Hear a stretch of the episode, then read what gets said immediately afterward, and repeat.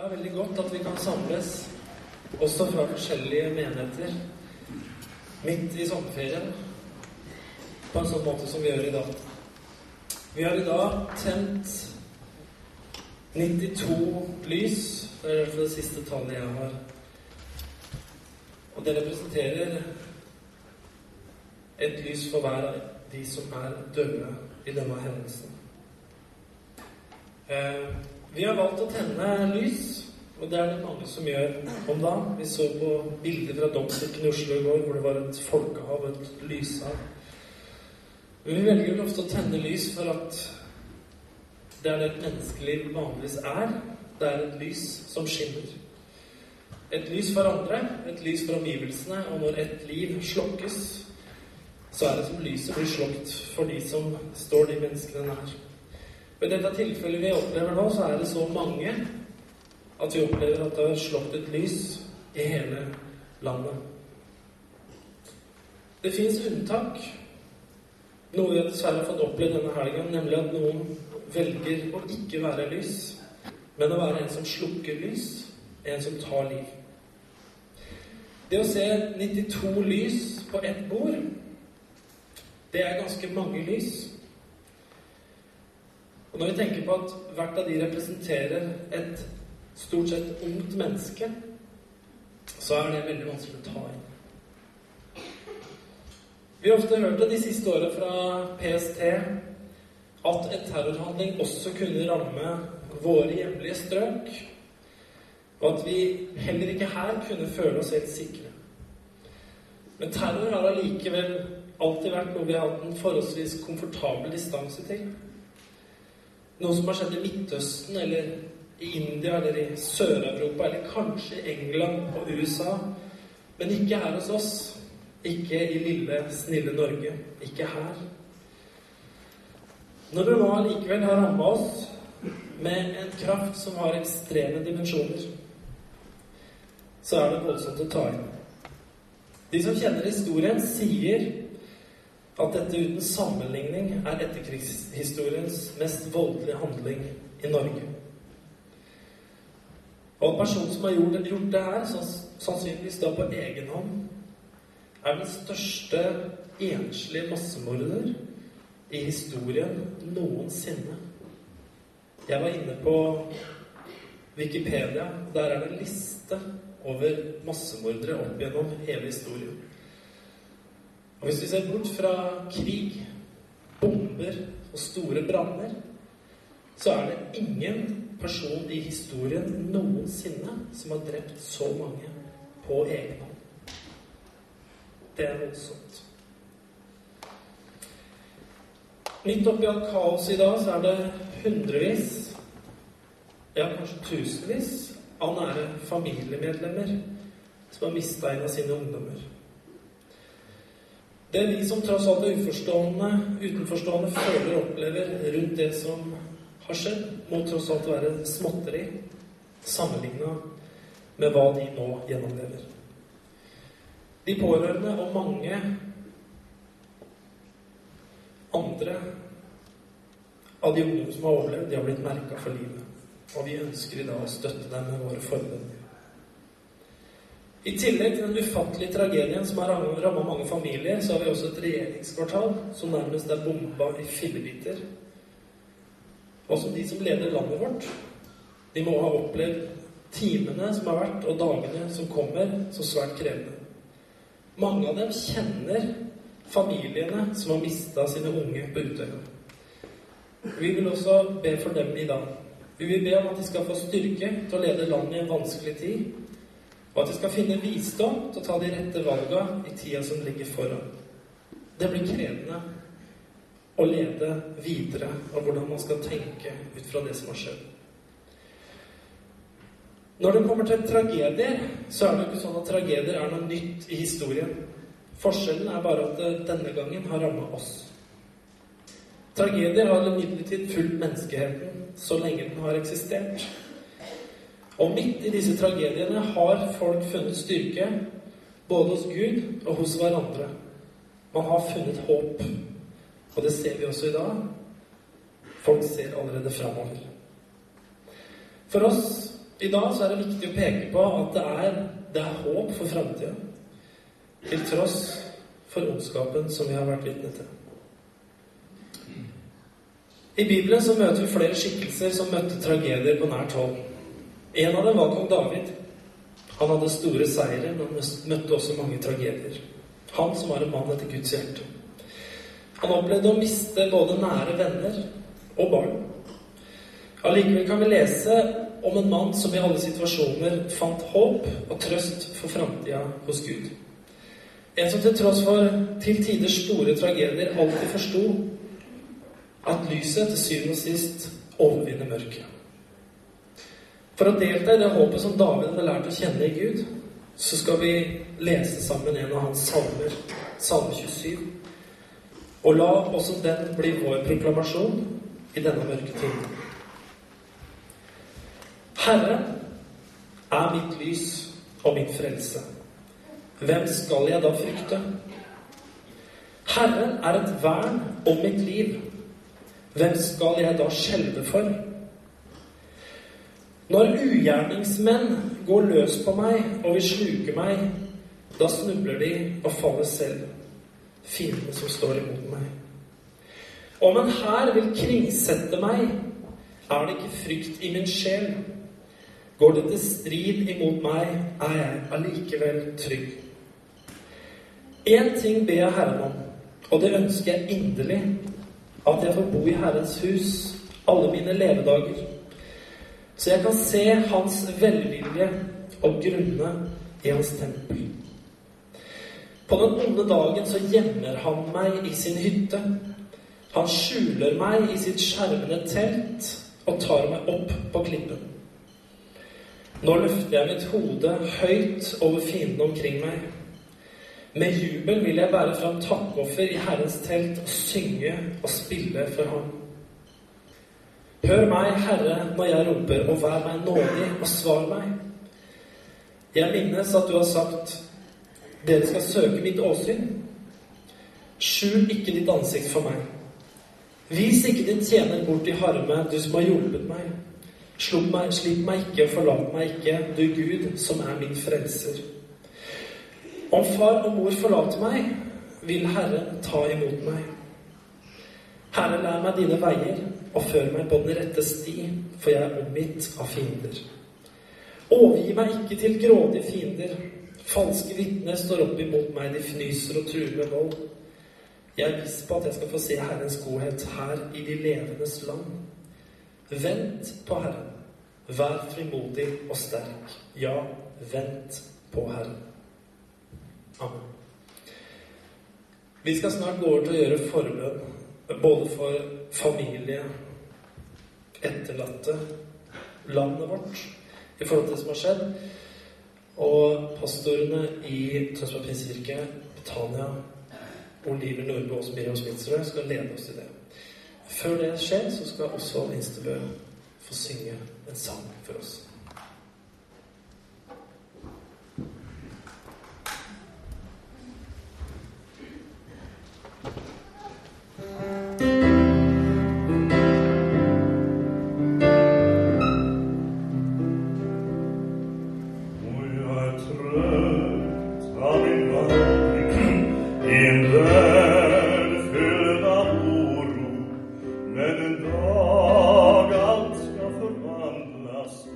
Et lite barn,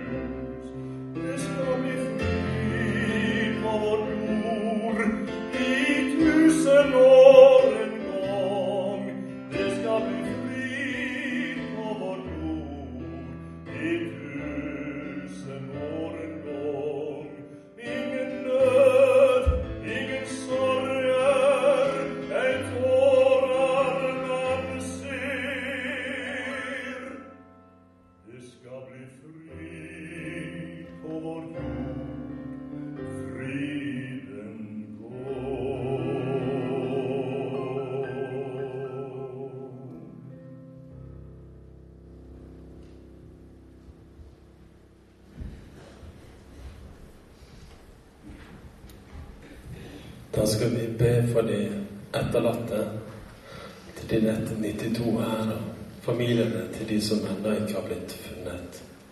Skal vi reise oss opp, og så har vi oss sammen. Herre, takk for at du er Herre, Herre. Dette her er ubegripelig, uforståelig, bunnløs sorg, Herre, hos de som har mista sine kjære på en så vond og tragisk måte, Herre. Men takk for at du er Herre, Herre, også der, Herre. Takk for at du er hos dem, Herre.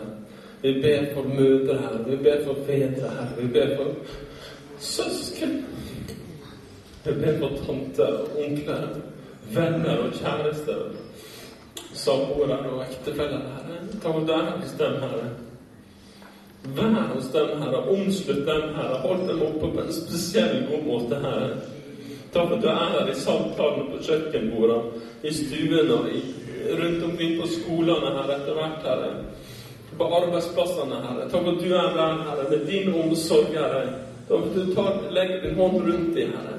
Takk at du gir dem håp, Herre. Gi dem gode samtalepartnere. Gi dem medmennesker. Gi dem nester som er der og tar seg av dem, Herre. Som, som ber for dem, men som også er der i praktisk håndhandling, Herre som støtter deg, ikke bare i denne uka her, Herre, men i månedene fremover, Herre. Å, Herre, takk for at du er lys, Herre, i mørket, Herre. Selv i dødsskyggens dal, Herre, der er du, Herre, med ditt lys, Herre, med ditt håp, Herre. Takk for at du skal være der med ditt håp, Herre, midt i AUF, Herre. Så skal du reise opp AUF på en ny og en god måte, Herre. Så skal du være der i familiene, Herre. Å, Herre, vær der med ditt håp, Herre. Kom med dine svar i det som ikke går an å svares på, Herre. Og jeg priser deg for at du er Herre i enhver familie, Herre. I enhver vennekrets, Herre. Der er du med ditt håp, Herre. Der er du med din frelse, Herre. Der er du med din nåde, Herre. Det priser deg for, Herre. Takk for at du er med, Herre i din forståelse. At du er med i sorgen, Herre. Takk at du skal være en- enhver begravelse, ved enhver minnestund, Herre. Skal du være med ditt spesielle nærvær til den som trenger det aller mest, Herre. Til den som ikke forstår noe som helst, Herre. I dette ubegripelige vonde, Herre. Der er du, Herre. Vi lener oss til deg nå, Herre, og vi ber om din hjelp for landet vårt, Herre for alle de familiene, for alle de samfunnene, for alle de partiavdelingene, Herre. Der er du, Herre. Så ber jeg at kjærligheten skal vokse, demokratiet skal vokse, Herre. Og ikke hatet og hevnet, Herre, men kjærligheten, Herre. Og alt det gode som vi kan bygge vårt land på, Herre. Amen.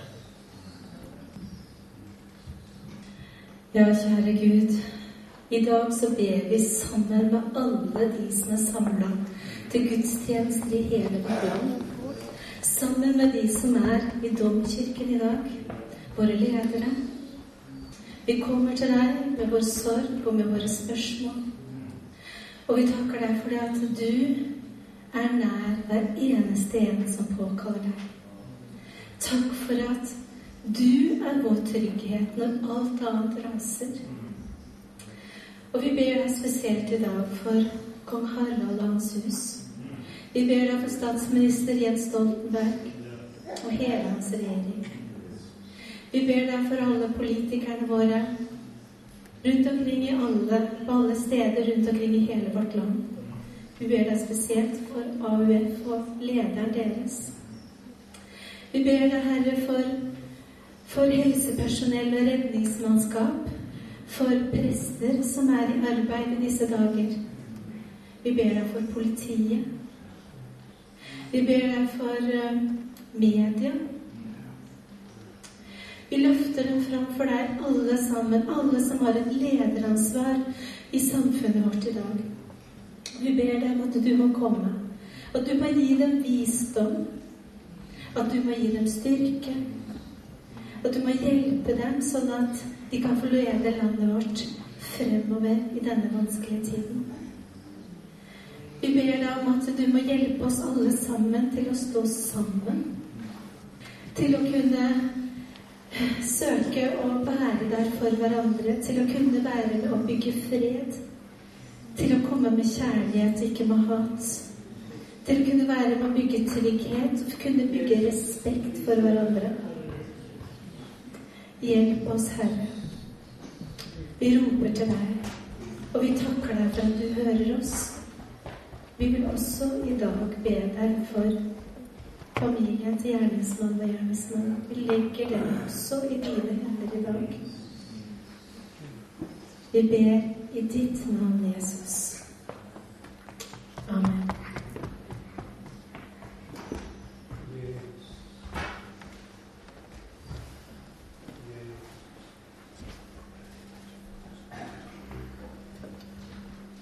Herre Jesus, vi ber også for denne mannen som sitter tilbake, Herre, etter denne ugjerningen som han har vært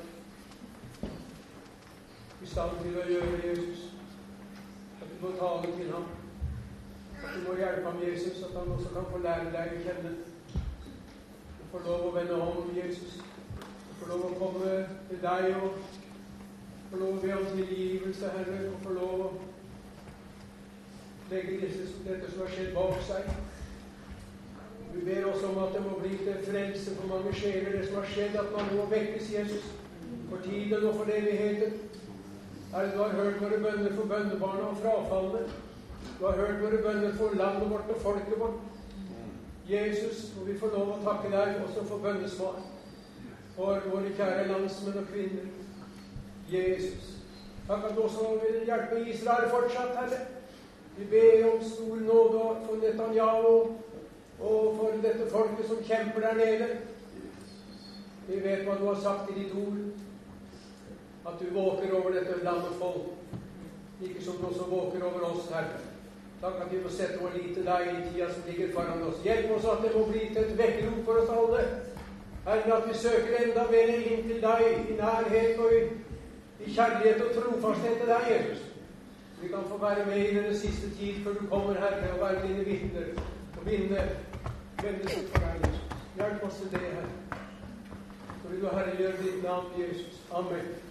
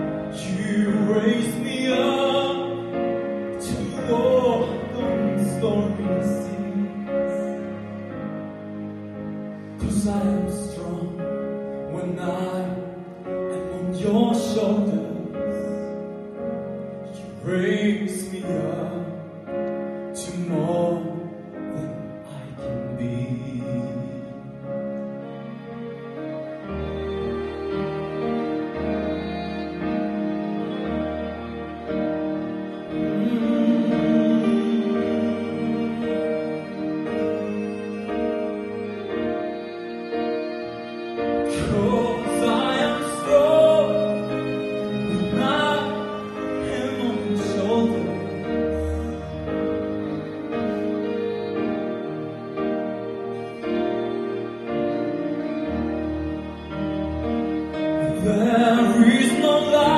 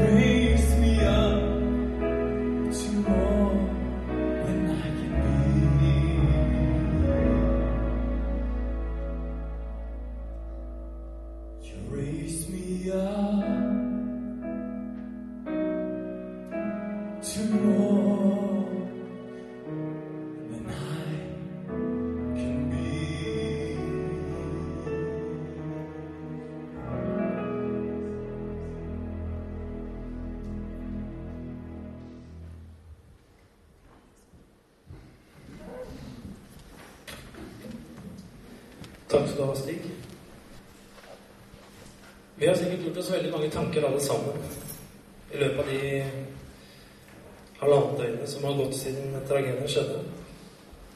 Og man gjør seg mange tanker. Spørsmålet som sikkert naturlig melder seg for eh, både meg og veldig mange andre, er hvordan en forholdsvis ung mann på 32 år, som er vokst opp i Norge under hva vi kjenner til gode kår på Oslo vestkant, kan bli en tilsynelatende følelsesløs massemorder som med overlegg jakter på tenåringer på en liten øy, med den eneste hensikten å drepe dem. Hvordan kan ondskapen så til de grader ta over? Det er det mange spør seg om. Hva var motivet? Hva var motivasjonen? Hvordan kunne han gå så langt? Hvordan kunne han være så kalkulert og kaldblodig? Når nyheten først sprakk, så var det vel mange som tenkte, både av oss som sitter her, og i presse og media, som tenkte at dette her er ekstremister med islamsk eh, målsetting. Vi kunne ikke tenke oss at liksom det var en av våre egne som kunne finne på å gjøre noe sånn som det er. Men etter hvert så skjønte vi jo at det var akkurat det det var. Noe som har gjort saken på en måte enda mer ubegripelig menneskelig sett. Terroreksperter og psykologer som er på banen, de gir oss gode forklaringer på hvilke mekanismer som ofte virker i mennesker som gjør sånne ting. Og det, det stemmer helt sikkert. Det er mange av de samme mekanismene som går igjen, og som man kan forklare, og som gjør at vi kan forstå litt mer av hva som kan skje i et menneske. Så det har nok også virka i Anders Bæring Breivik forut for unåden. Men det er, det er allikevel ikke hele sammenhengen. For oss som er kristne, så bør, eh, så bør ikke ondskapens og mørkets uendelighet egentlig komme som noen overraskelse. For der sekulær humanismen har en virkelighetsforståelse hvor Gud ikke er. Det er ingen Gud, det er ingen djevel. Det er mennesket som allting skjer i og går ut ifra. Så blir det en annen målestokk. Troen på det gode mennesket den er sterk her på berget, og det skal vi selvfølgelig være veldig glad for.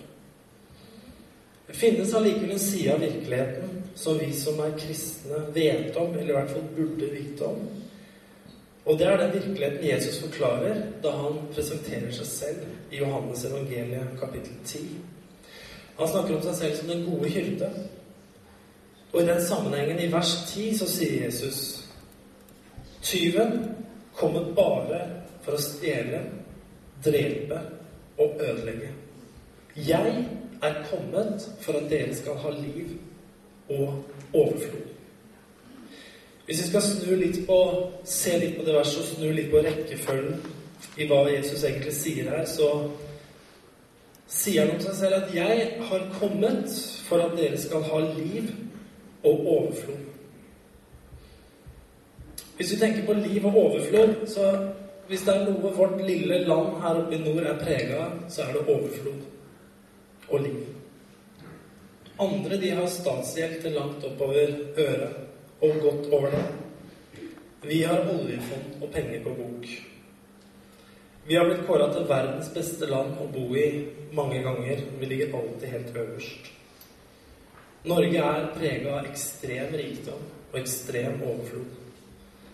Forrige uke, en av de fine dagene, så kjørte vi båt for første gang på lenge. Så kjørte vi en lengre tur hadde vært ute på Hvasser og kjørte Tjøme-skjærgården hjem. Og da slo det meg hvor, hvor mye rikdom og hvor mye overflod det er i det landet her. Vi kjørte sikkert forbi verdier for milliarder bare i løpet av et par sum. Der lå det båter Det er ikke joller. Det er 50 fot oppover. Med diverse småbåter ved siden av som koster hundretusenvis. Det er hus som er verdt titalls millioner på rekke og rad. Vi har en ekstrem overflod. Og jeg tenkte på det Er det her er det her vi alle strever etter å få? Norge er et overflodsland. Det har vært mange debatter hvorvidt overfloden i Norge skyldes den såkalte kristne kulturarven eller ikke. Den debatten skal ikke vi ta her, for den er gjerne mer sammensatt enn partene liker. Men det er tross alt et faktum at Norge og Norges grunnlov har vært tufta på Bibelen og kristne verdier med utgangspunkt i det Jesus sa til oss om det å være menneske og det å leve. Det er ingen tvil om at det vi har tufta landet vårt på, har vært en viktig del av den overfloden og den rikdommen og alt det gode som vi har i landet vårt. Verdier som nestekjærlighet, tilgivelse, solidaritet, nåde, frihet og individets rett til å tenke selv og leve selv. Springer ut fra Jesu mange budskap om hvordan vi burde leve. Og det har vært med å legge et uvurderlig fundament for hvordan Norge ser ut i dag. Liv har høy verdi i vårt land. Ett liv teller, og det skal vi være veldig glad for. I andre kulturer og i andre religioner er det i mange tilfeller slik at veien er kort til å ta et menneskes liv. Et liv er ikke så mye verdt.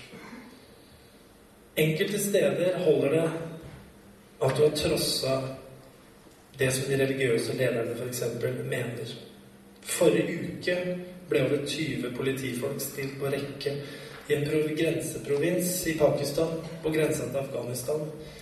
De ble skutt fordi de hadde vært ulydige mot Allah. De ba for sine liv, men de var ikke til å redde. De ble skutt. Fordi det var noen som visste bedre hvordan de burde leve. Overflod, det har vi nok av. Jesus sa 'Jeg har kommet for at dere skal ha overflod og liv'. Det andre han sier, og det han sier først, er at tyven Tyven kommer for å stjele, drepe og ødelegge. Fredagen innebar drap og ødeleggelser i et omfang som er ufattelig, og reflekterer nettopp personligheten til tyven, som Jesus kaller ham. Og vi vet han mener djevelen. Vi skal ikke bruke mye tid på å snakke om djevelen, men vi kan slå fast at det Jesus sier, det. Det finnes en ondskapens kraft som ønsker å stjele, drepe og ødelegge. Og det finnes en ondskapens kraft som kan innta mennesker til den grad at de blir instrumenter for ødeleggeren selv. I dag har tenåringer blitt stjålet fra sine familier og fra de liva de hadde foran seg. De er drept. I dag har arbeidsplasser, familier, framtider og muligheter blitt ødelagt for alltid av ondskapens krefter. Jesus sier at tyven kommer bare for å stjele, drepe og ødelegge. Han har ingen annen hensikt. På samme måte så kommer Jesus bare for å gi liv og overflod. Han har ingen annen hensikt. Jesus sier om menigheten at vi er jordens salt og verdens lys. Og Det skal vi tenke litt på der vi står akkurat nå. I bergprekenen i Matteus 5 så sier Jesus mange ting, men han sier i vers 13-16 som følger Dere er jordens salt, men hvis saltet mister sin kraft, hvordan kan det da bli gjort salt igjen? Det duger ikke lenger til noe, men det kastes ut og tråkkes ned av menneskene. Dere er verdens lys. En by som ligger på et fjell, kan ikke skjules. Heller ikke tenner man en oljelamp og setter den under et kar. Nei, man setter den på en holder, så den lyser for alle i huset. Slik skal deres lys skinne for menneskene, så de kan se de gode gjerningene dere gjør, og prise deres Far i himmelen. Jeg tror at vår oppgave som Jesu menighet, det er å sørge for at det blir mer Jesus og mindre tyv i landet vårt. Vår oppgave er å sørge for at det levende livet fra Jesus når så mange som mulig, sånn at sjansen for at noen kan bli inntatt av tyvens verdier, blir minimal.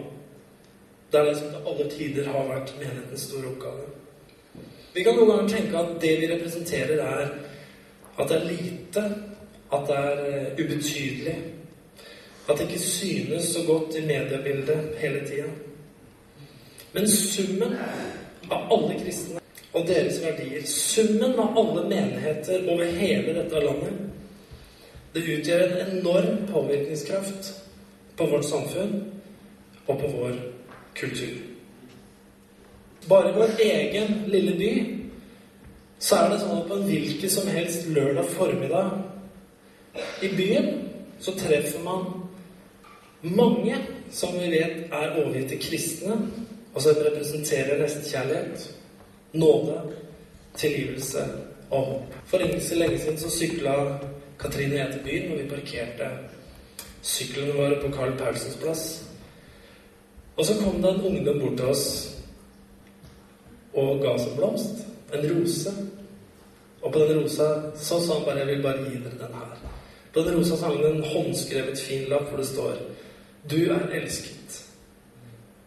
Og da var det ungdommene var det en del av våre herfra i frikmiljøet som var en dag ute på byen og bare velsigna folk. Og vi møtte mange sånne ungdommer som hadde roser, og de bare, de bare gikk bort til folk og ga, ga roser. 'Du er elsket. Du er elsket. Du er elsket.' Jeg tenkte det er bra.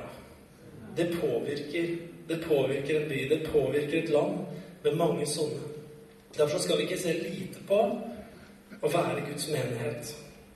Vi har ingen grunn til å skamme oss over evangeliet. Vi har ingen grunn til å skamme oss over kraften i evangeliet, for det er en Guds kraft til frelse, som Paulus skriver i Rombrevet 1, 16. Vår selvbevissthet og vårt bidrag ut fra den ekstreme terrorhandlingen vi nå har opplevd, må være at vi fortsetter å være kirke. At vi fortsetter å være menighet. At vi skal fortsette å gjøre det gode. At vi skal fortsette å gjøre alt som skaper liv og overflod. At vi skal fortsette å holde fast på å bygge det gode. At vi skal holde fast på å ha trygge og nådefulle fellesskap. At vi skal gjøre gode gjerninger istedenfor onde gjerninger. At vi skal se stort på vår oppgave i samfunnet. At vi skal bidra til å gjøre Norge til et tryggere land, et tryggere sted å bo for alle. Det må Gud hjelpe oss med. At vi aldri mister det perspektivet. Så sa kona mi til meg ganske fort etter at det her hadde skjedd, og motivene begynte å komme fram. For det er jo tydelig at denne mannen, han, eh, han har en antimuslimsk agenda. Det er en viktig sak for ham. Så sa Katrin til meg Jeg håper ikke en del kristne er litt enige. Jeg må bare ta opp det til slutt. Ikke så lenge etterpå så fikk jeg en mail fra en person som skrev at han syntes det, det var ille, det som hadde skjedd, men at vi måtte også huske de kristne korsfarerne som hadde drevet muslimene tilbake fra Spania.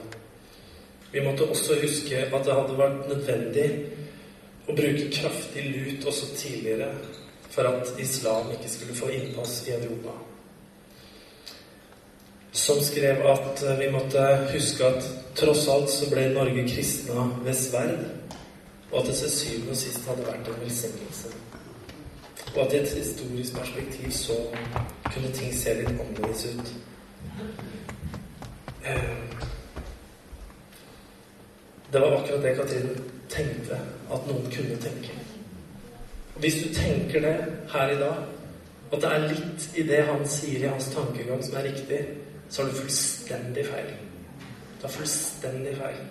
Og jeg har lyst til å si det, for at vi som er kristne, vi er kalt til å overvinne det onde med det gode. Ikke sant? Vi er kalt til å overvinne det onde med det gode. Det er vårt kall.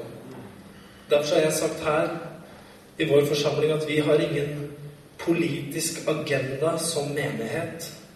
Ethvert medlem her må være fri til å drive politisk virksomhet, for det har vi rett til. Det skal vi gjerne gjøre. Men som kirke, som menighet, har vi ingen politisk agenda. Vi har en evangelisk agenda. Det er den agendaen som er vår. Og vårt forbilde, det er Jesus. Han er den religiøse lederen. Den som sto opp, som kom fra Gud. Som aldri brukte vold. Som sa om noen slår, så må du vende andre kinnet til. De kreftene må vi aldri tillate oss å bli lurt av. Selv om vi noen ganger frykter ting som kan komme. Vi vinner aldri på den måten. Den som vel bruker sverd, skal vel falle for sverd, sier Jesus. Vi skal også ta vare på det at alle mennesker er elska av Gud. Alle mennesker er uendelig elska av Gud. Hvert liv skal respekteres. Uansett rase, religion, etnisk bakgrunn, hvor det kommer ifra, så elsker Gud alle mennesker. Det må vi alltid ta vare på. Vi må aldri lefle med noe annet. Vi må aldri dra mennesker over én kam. Vi må som menighet gjøre det som det står skrevet her. Jesus sa om å være verdens lys. Slik skal deres lys skinne for menneskene, så de kan se de gode gjerningene dere gjør, og prise deres Far i himmelen. Det er det vi skal gjøre. Det er det vi kan bidra med å være som menighet i tida vår. Vi skal gjøre gode gjerninger. Vi skal forkynne Kristus. Vi skal peke på håpet i Gud. Og så skal Gud ved Den hellige ånd være med og forandre og forvandle menneskets hjerter.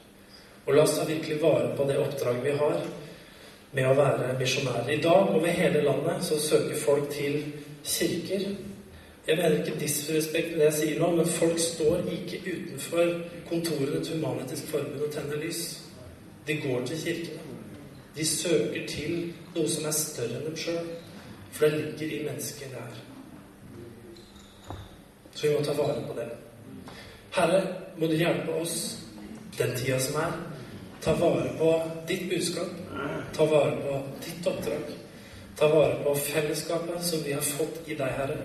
Sånn at vi kan være sant lys sant salt i denne tida. Herre, la oss ha visdom, så vi kan få lov å være et ekte lys. Så mennesker kan se og kjenne og merke at det er attraktivt å komme til. Det priser vi deg for. I Jesu mektige navn. Amen. Det får være min lille tale i dag. Vi skal, eh, vi skal reise oss, og så skal vi synge et par lovsanger avslutningsvis. Midt i mørket, midt i vanskelighetene, så kan vi få lov å takke Gud for at det alltid er en vei videre. Så nå skal vi gjøre det. Da sier hjertet vårt til Herren et par sanger mot avslutning.